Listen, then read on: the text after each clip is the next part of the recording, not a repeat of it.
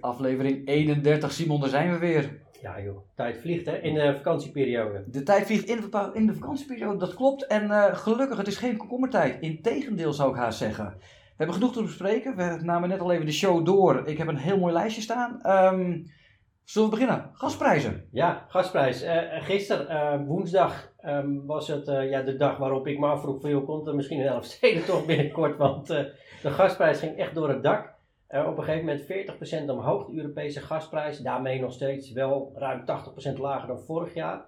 Maar veert toch um, ja, verrassend uh, sterk op. En dat alles op een berichtje dat er mogelijk volgende week gestaakt zou kunnen gaan worden bij een aantal fabrieken die vloeibaar gas maken in Australië. Nou, dat zou dan een impact kunnen hebben op 10% van de, uh, de LNG, dat is dat vloeibare gas, op de wereldwijde productie. Uh, waarbij het dus nog niet zeker is of dat ook gaat gebeuren, maar je zag dat de reactie, ja, de headlines, uh, traders, handelaren die erop uh, op in wilden spelen in een dunne markt, die nogal volatiel is, leidde tot een enorme stijging van, van de gasprijs. En daarmee werden ook andere energieprijzen mee om, omhoog getrokken. Een overtrokken reactie, als ik jou zo een beetje voel? lijkt me wel, want als we kijken naar met name de, naar de voorraden in, in Europa, dus eigenlijk van alle Europese landen bij elkaar dan zitten die nu al uh, gevuld tot op het niveau zoals ze normaal in oktober waren. Dus we lopen eigenlijk, nou, het is het twee maanden voor op, uh, op schema. Heeft natuurlijk ook alles te maken met uh, de milde winter die we hier hebben gehad, waardoor die voorraden ook minder werden aangesproken. maar ook dat ze op tijd weer zijn aangevuld. Dus ehm, ja, de reactie op die spotmarkt, hè, zoals we het noemen, voor de levering op korte termijn, lijkt me inderdaad wat, wat overdreven. Okay, en de reactie dan hè, op de beurs, wat je daar dan ziet met uh, de energieleveranciers of de, hè, de, de, Ja, de oliebedrijven. Hè, dus alles wat met energie, gas te maken heeft. Um, dat um, was in ieder geval op de woensdag een, uh, een, een, plus, hè, positieve uitschieter op de beurs. Eerder in de week hadden we natuurlijk ook nog uh, die verrassende bekendmaking vanuit Italië over die, ja, die belasting op die overwinsten. Nou, er werd eerst heel schrikkig op gereageerd, want ja, hoeveel gaat er dan zijn? Ja, nog eventjes de, heel kort de achtergrond daarachter. Wat ja, de achtergrond is dat uh, in Italië, net als bij andere, veel andere Europese banken, uh, er veel winst wordt gemaakt door de gestegen rente. Uh, wat in beperkte mate wordt doorgegeven aan, aan de eindklanten, hè, de spaarrentes die relatief laag blijven. met recordwinsten voor, voor banken, in dit geval Italiaanse banken als gevolg. En nu is er vanuit de politiek, maar ook dat is een beetje een populistische, uh, ik wil maatregel, maar een, uh, een aankondiging van een maatregel. Uh, dat die banken daarom maar extra winstbelasting zouden moeten gaan betalen. Nou, dat werd dan later weer wat genuanceerd tot een maximum eh, in verhouding tot hun kapitaal wat ze hebben. waarbij het ook nog maar de vraag is of die maatregel überhaupt ook door het parlement wordt goedgekeurd. en er ook gaat komen. Maar goed, het leidt in ieder geval tot flinke koersdaling op, op de dinsdag. Woensdag herstelde dat weer wat. Um, dus ja, zo hebben we toch uh, in deze ja, zeggen, komkommertijd weer uh, behoorlijk wat, uh, wat flinke uitslagen. Juist. Um, tot zover de gasprijzen. Italië hebben we al ingeraakt. inflatie blijft ook nog altijd een hot topic. Ja, inflatie blijft natuurlijk een hot topic. Hè, want zeker op het moment dat we zien dat die, die energieprijzen toch weer wat oplopen. Dat is ook wat we verwachten als we het hebben over de Um, inflatiecijfers uit Amerika die uh, over um, nu tot binnen een uur uh, worden gepubliceerd. Hè, want uh, dit wordt donderdagmiddag net voor die cijfers opgenomen. Dan wordt er ook wel verwacht dat die inflatie op jaarbasis iets is aangetrokken. Hè. De headline inflatie, waar dus voedsel- en energieprijzen in zitten, wordt verwacht dat die gestegen is van 3 naar 3,3 procent in, in de maand juli. Vooral door die wat hogere energieprijzen. Op maandbasis overigens uh, wordt nog wel een uh, stijging van een beperkte 0,2% verwacht. En als dat zo blijft, die maand op maand stijging van 0,2%, dan betekent dat als je dat annualiseert, dus hè, naar een jaar doorvertaalt, um, dat dat in lijn zou zijn al met die 2% inflatie op jaarbasis waar de Fed uh, naar op zoek is en waar naar streeft. Dus dat zou positief zijn. Maar dat gaan we straks over een uurtje zien. Dat gaan we straks zien. En wanneer je dit hoort, dan is dat al bekend. Zeker. Um, inflatie dus. China wil ik het ook met je over hebben. Ja, want uh, dan heb je het ook over inflatie. Uh, want wat we in China zien is eigenlijk een, uh, een, belangrijke reden waarom we eigenlijk op wereldschaal al wat desinflatie zien. Dus afnemende inflatie of zoals in China al echt ehm, ja, regelrechte deflatie. Daar hebben we al tien maanden op rij gezien dat de producentenprijzen, dus de inkoop van nou ja, grondstoffen, ehm, dat die al, al tien maanden op rij zijn gedaald. Maar nu zien we ook dat voor het eerst in meer dan twee jaar dat ook daar de consumentenprijsinflatie negatief is. Dat betekent dus dat consumenten minder hoeven te betalen voor dezelfde spullen als een jaar geleden. Dat is niet een, een, situatie waar de Chinese regering op zit te wachten. Want het betekent ook dat namelijk de economische groei verzwakt in China. En dat willen ze niet. Hè. Ze streven naar een groei van ongeveer de 5% in reële termen. Dus uh, nog exclusief de inflatie. Dat betekent ook dat we verwachten dat er meer stimuleringsmaatregelen aan zitten te komen om die economie aan te zwengelen. En dat gaat ook gebeuren. Hè. We hebben een aantal kleine um, maatregelen al uh, gezien met renteverlagingen hier en daar, stimuleringsmaatregelen om bijvoorbeeld elektrische auto's te kopen, uh, meer subsidie daarop, uh, wat makkelijkere, soepelere leenvoorwaarden voor wat betreft de aankoop van onroerend goed, om die sector te stimuleren. En vanochtend werd bekend dat ook de beperkingen voor groepsreizen van Chinezen um, ja, wordt versoepeld. en dat betekent dat we veel meer Chinezen kunnen ook verwachten in een uh, aantal, uh, aantal uh, ja, niet-Chinese landen. Dat is dan ook weer goed voor de verkoop van nou, luxe artikelen. Hè. Denk aan tasjes, aan horloges. Je herkent ze wel. De Aziat in de rij bij de Bijenkorf. Of ja. als je wel eens in Parijs komt. Ik kijk meteen naar het aandeel LVMH. Ja, Louis Vuitton, Swatch, dat soort bedrijven. Burberry zag ik allemaal ja. op, op, de beurs. Um, dat is een positieve ontwikkeling wat dat dan gaat. Dus ja, zo zijn er best wel wat eh, signalen die wijzen op, op weer wat, wat, wat groeistimulering in, uh, in China.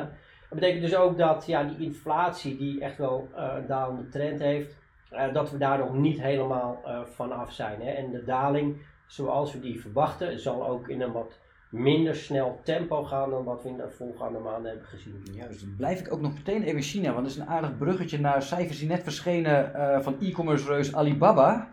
Hoe waren die? Ja, Alibaba die uh, verraste. Um, en ik sprak net onze analist die het aandeel volgt. Um, en wat met name opvalt is dat de e-commerce activiteiten een veel sterkere groei lieten zien dan, uh, dan verwacht. Dat is wel positief, want het geeft ook aan dat die Chinese consument toch wel uh, blijft besteden. Op zich niet zo vreemd, want als we kijken naar de extra spaaroverschotten die de Chinezen nog steeds hebben, omdat ze simpelweg in de coronaperiode niet of weinig uit konden geven dat ze dat dus nu wel weer gaan doen. En uh, dat is uh, niet alleen voor Alibaba natuurlijk goed nieuws, maar ook voor concurrenten als, als Amazon bijvoorbeeld. Ligt voor Alibaba nog wat grote splitsingsgevaar op de loer? Of dat ja. de overheid op een andere manier nog het mes erin kan zetten? Nou ja, dat is natuurlijk wel iets wat voor heel veel Chinese tech-conglomeraten het geval is. Daar hebben we natuurlijk de voorgaande jaren vooral gezien dat de Chinese overheid de macht van die ja, uh, monopolistische bedrijven wat wilden beperken, omdat ze daar ook een beetje bang voor waren.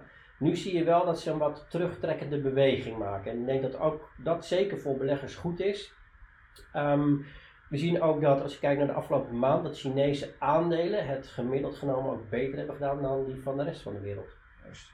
Tot zover de tweede economie ter wereld qua omvang. Um, zijn er nog andere kwartaalcijfers die opvielen of wil je naar de agenda van volgende week al even gaan kijken? Um, nou, we hebben wel wat uh, opvallende kwartaalcijfers gezien, maar daarvoor, uh, nee, ik denk dat het uh, te ver gaat om daar heel diep op, eh, op in te gaan. Um, ik zei, Alibaba is dan waar we vandaag op, op letten. We hebben die, de bankencijfers gezien. Ik denk dat dat wel interessant is dat we toch daar kunnen constateren dat die hogere rentes over het algemeen daar de winsten echt wel flink heeft positief beïnvloed.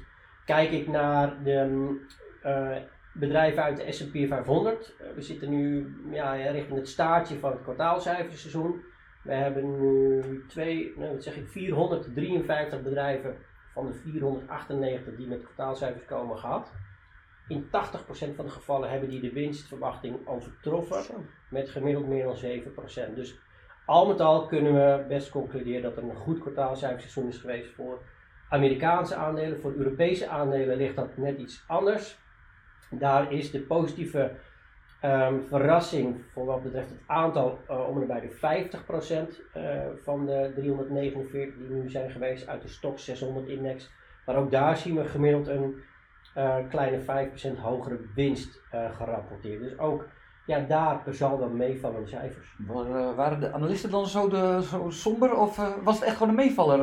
Nou, dat is natuurlijk toch wel vaak het beeld, hè, wat ik nu net vertel, die 70 tot 80 procent Ja. bij Amerikaanse bedrijven, rond de 50 procent beter dan verwacht voor Europese. Dat is ook historisch gezien eigenlijk altijd het geval.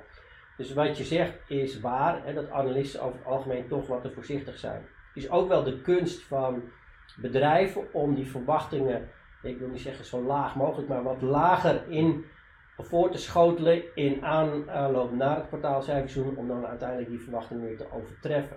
Belangrijker is, is denk ik nog om te melden dat als we zien wat de reactie is van analisten voor de komende 12 maanden, dan heb ik het over de winstgroeiverwachting, dan zien we dat ze wel voor de Amerikaanse aandelen uit de S&P 500-index, als die voor de ehm, bedrijven uit de Stoxx 600-index, dat die verwachtingen naar boven zijn bijgeschroefd. Kijk, dat is om mee te nemen. Ja. Ehm, volgende week, de agenda. Hoe Ja, laten we beginnen met eh, nou, de belangrijkste zaken. Nou, we hebben dus eh, op het moment dat dit uitgezonden wordt de Amerikaanse inflatiecijfers gehad. De consumentenprijsinflatie. En dan hebben we op de vrijdag ehm, de producentenprijsinflatie. Hangt er natuurlijk ook nauw mee samen. Eh, want eh, lagere inputprijzen betekent ook lagere consumentenprijzen uiteindelijk. Dus die houden we voor, voor morgen in de gaten. Dan schakel ik meteen door naar volgende week. En dan zitten we op de dinsdag zitten we 's ochtends eh, aan het eh, scherm gekluisterd om te kijken naar de cijfers uit China. Ehm industriële productie, winkelverkoopcijfers ehm, en, eh, en investeringscijfers in, eh, in vastgoed. Eh daaruit zal ongetwijfeld ook blijken dat die ehm, ja, te laag zijn in de ogen van eh, eh, de Chinese overheidsfunctionarissen. Want ik verwacht daar niet een eh, positieve meevaller eerlijk gezegd. Eh, en dan hebben we smiddags uit Amerika, zeker niet onbelangrijk, ehm, de winkelverkoopcijfers voor de maand juli. En waarom is dat belangrijk? Omdat die natuurlijk heel goed weergeven in hoeverre ja, de Amerikaanse consumenten nog steeds hun geld laten rollen en daarmee de economie en bedrijfswinsten stimuleren.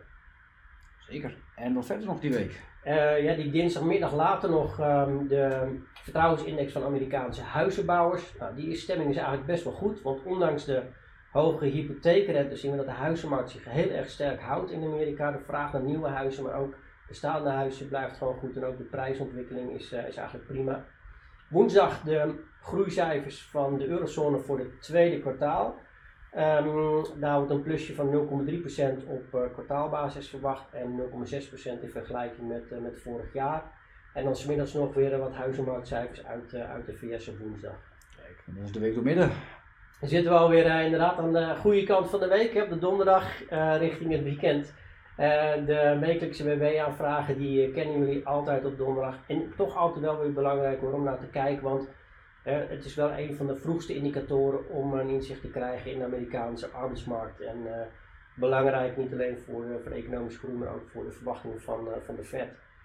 Ehm, leading index, ja, een index indicatoren, vind ik zelf niet zo heel belangrijk, noem het toch even.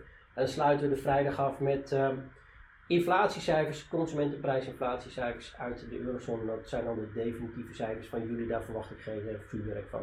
Oké, en hebben we dan in het staartje van het cijferseizoen misschien nog wat interessante namen op de Ja, ik pak hem er even bij, eh, Stefan, want eh, wat hebben we nog? Eh, dinsdag hebben we onder andere Home Depot, eh, de doe-het-zelf-keten in eh, Amerika. Woensdag hebben we onder andere nog Tencent, de Amerikaanse, of zeg ik Chinese tech-conglomeraat met spelletjes, et cetera, maar een belangrijke beursbepalende factor ook omdat uh, Proces daar in Amsterdam eh, op reageert natuurlijk. Eh, en Target en Cisco, Amerikaanse bedrijven. Donderdag hebben we nog de Nederlandse bedrijven Egon en Adyen. Smiddags uit Amerika Walmart um, en Applied Materials, een uh, collega van uh, ASML. Uh, vrijdag de 18e. dan hebben we nog Estée Lauder en Deere Co. van, van de trekkers. Um, dan gaan we al uh, richting het uh, einde van het uh, kwartaalcijferseizoen. Maar daarover vertellen we natuurlijk volgende week weer. Zeker, we gaan elkaar volgende week weer spreken. We lopen naar het einde van het cijferseizoen, het einde van de zomervakantie. Maar hè, niks is minder waar. Op de beurs gaat het gewoon alsmaar door. Altijd wat te beleven.